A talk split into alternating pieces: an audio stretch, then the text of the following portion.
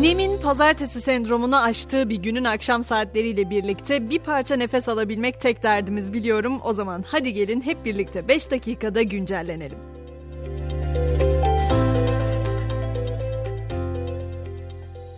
Memur ve memur emeklisine yapılacak zamlarla ilgili 1 Ağustos'ta başlayan süreç yarın itibariyle tamamlanacak. Memur Sen zam taleplerinin %70 olduğunu açıkladı. Taraflar arasında uzlaşma sağlanamaması halinde ise kamu görevlileri hakem kurulu süreci başlayacak.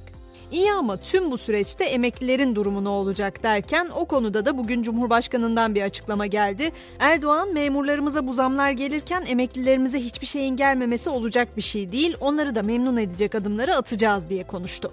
Peki gençlerin durumu ne olacak? Özel üniversite fiyatlarının fahiş diyebileceğim düzeyde artmasından sonra kontenjanlar boşta kaldı. ÖSYM genel kontenjanların %99,8'inin dolduğunu açıklasa da vakıf üniversitelerindeki boş kontenjan sayısı geçen yıla göre 3 kat arttı.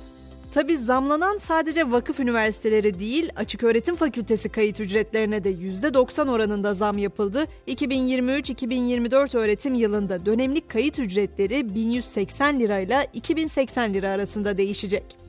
Hafta sonu üniversite sınavı sonuçlarının açıklanmasıyla birlikte kazanılan okullara gitme, başka bir şehirde yaşama masrafları da düşünceler arasına eklendi. Bu konuda İstanbul için önemli olduğunu düşündüğüm bir haber var. İstanbul Büyükşehir Belediyesi'nin öğrenci yurtlarına başvurular başladı.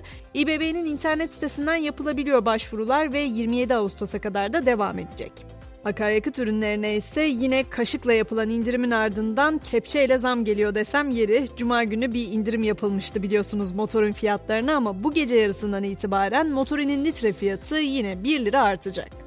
Gelelim tekrar yurdumuzu da esir alan sıcaklarla birlikte yaşanan yangınlara. Yunanistan'ın kuzeydoğusunda Türkiye sınırı yakınındaki Dede Ağaç şehrinde 3. gününe giren orman yangınları nedeniyle geçişlere kapatılan İpsala sınır kapısı yeniden hizmete açıldı. Ancak sınır kapısından giriş ve çıkışların kontrollü bir şekilde ilerlediğini de belirtmem gerekiyor. İklimin dengesi artık tamamen şaştı desem yeri. Eskiden bilim kurgu filmlerinde gördüğümüz o sıra dışı hava olayları artık hayatımızın tam ortasında. Dünyanın bir tarafı yangınlarla boğuşuyor, bir tarafı ise kasırgaya teslim. Meksika'da 3 can alan Hillary kasırgası ABD kıyılarına ulaştı. 84 yıldır tropikal fırtına yaşanmayan Güney Kaliforniya'da o hal ilan edildi. 26 milyon kişinin sel tehlikesi altında olduğu belirtiliyor. Günlerdir konuşulan bir garip hesap hikayesi var sırada. Arnavutluğun Berat kentinde hesabı ödemeden kaçan 4 İtalyan vatandaşının görüntüsü sosyal medyada hızla yayılmıştı. Arnavutluk Başbakanı Rama'nın hafta içinde İtalyan mevkidaşı Meloni ile görüşmesinde de bu konu gündeme gelince adeta diplomatik bir boyut kazandı. İşte o 4 kişinin hesabını İtalya Başbakanı Meloni ödedi. Eski ama eskimeyen gündemimiz Covid-19 ise dünya genelinde yeniden yayılmaya başlayan yeni varyantı Erisli adından söz ettiriyordu. Yeni varyantlar için aşıların hazır olduğu haberi geldi. BioNTech, koronavirüsün alt varyantlarına karşı etkili olacak yeni aşısını Eylül ayında Avrupa'da teslim etmeyi planladığını açıkladı. Biraz da teknoloji dünyasına uğrayalım. WhatsApp yeni bir güncelleme daha duyurdu. Uygulama şimdi de daha önce sunduğu mesaj düzenleme özelliğinin kapsamını genişleten yeni bir özellikle gündemde. Buna göre artık gönderdiğimiz fotoğraf ve videoların altına eklediğimiz yazılar da düzenlenebilir hale gelecek ve hurdası bile milyon dolar eden bir araba olur mu diye sormak istiyorum. Yeni modelleri kadar eski modelleri de ilgi gören markaların başında Ferrari yer alıyor. Eski bir Ferrari yarış arabasının yanmış parçaları Amerika'daki bir müzayedede yaklaşık 2 milyon dolara satıldı. Araba 1960'larda bir yarış sırasında alev almış, sonrasında ise hiç dokunulmamıştı.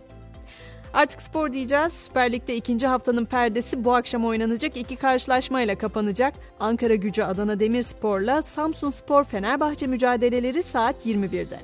File'de ise A Kadın Voleybol takımımız Sev Avrupa Şampiyonası C grubundaki 3. maçında bugün Çekya ile karşılaşacak. File'nin sultanlarının mücadelesi saat 18 itibariyle başlamış bulunuyor. Biz de böylece güncellenin bu bölümünü de tamamlamış oluyoruz. Bu akşam mottomuz Jane Austen'den geliyor. Şöyle diyor İngiliz yazar. Mantığının eleştirdiğini, merhametinin savunmasına izin verme.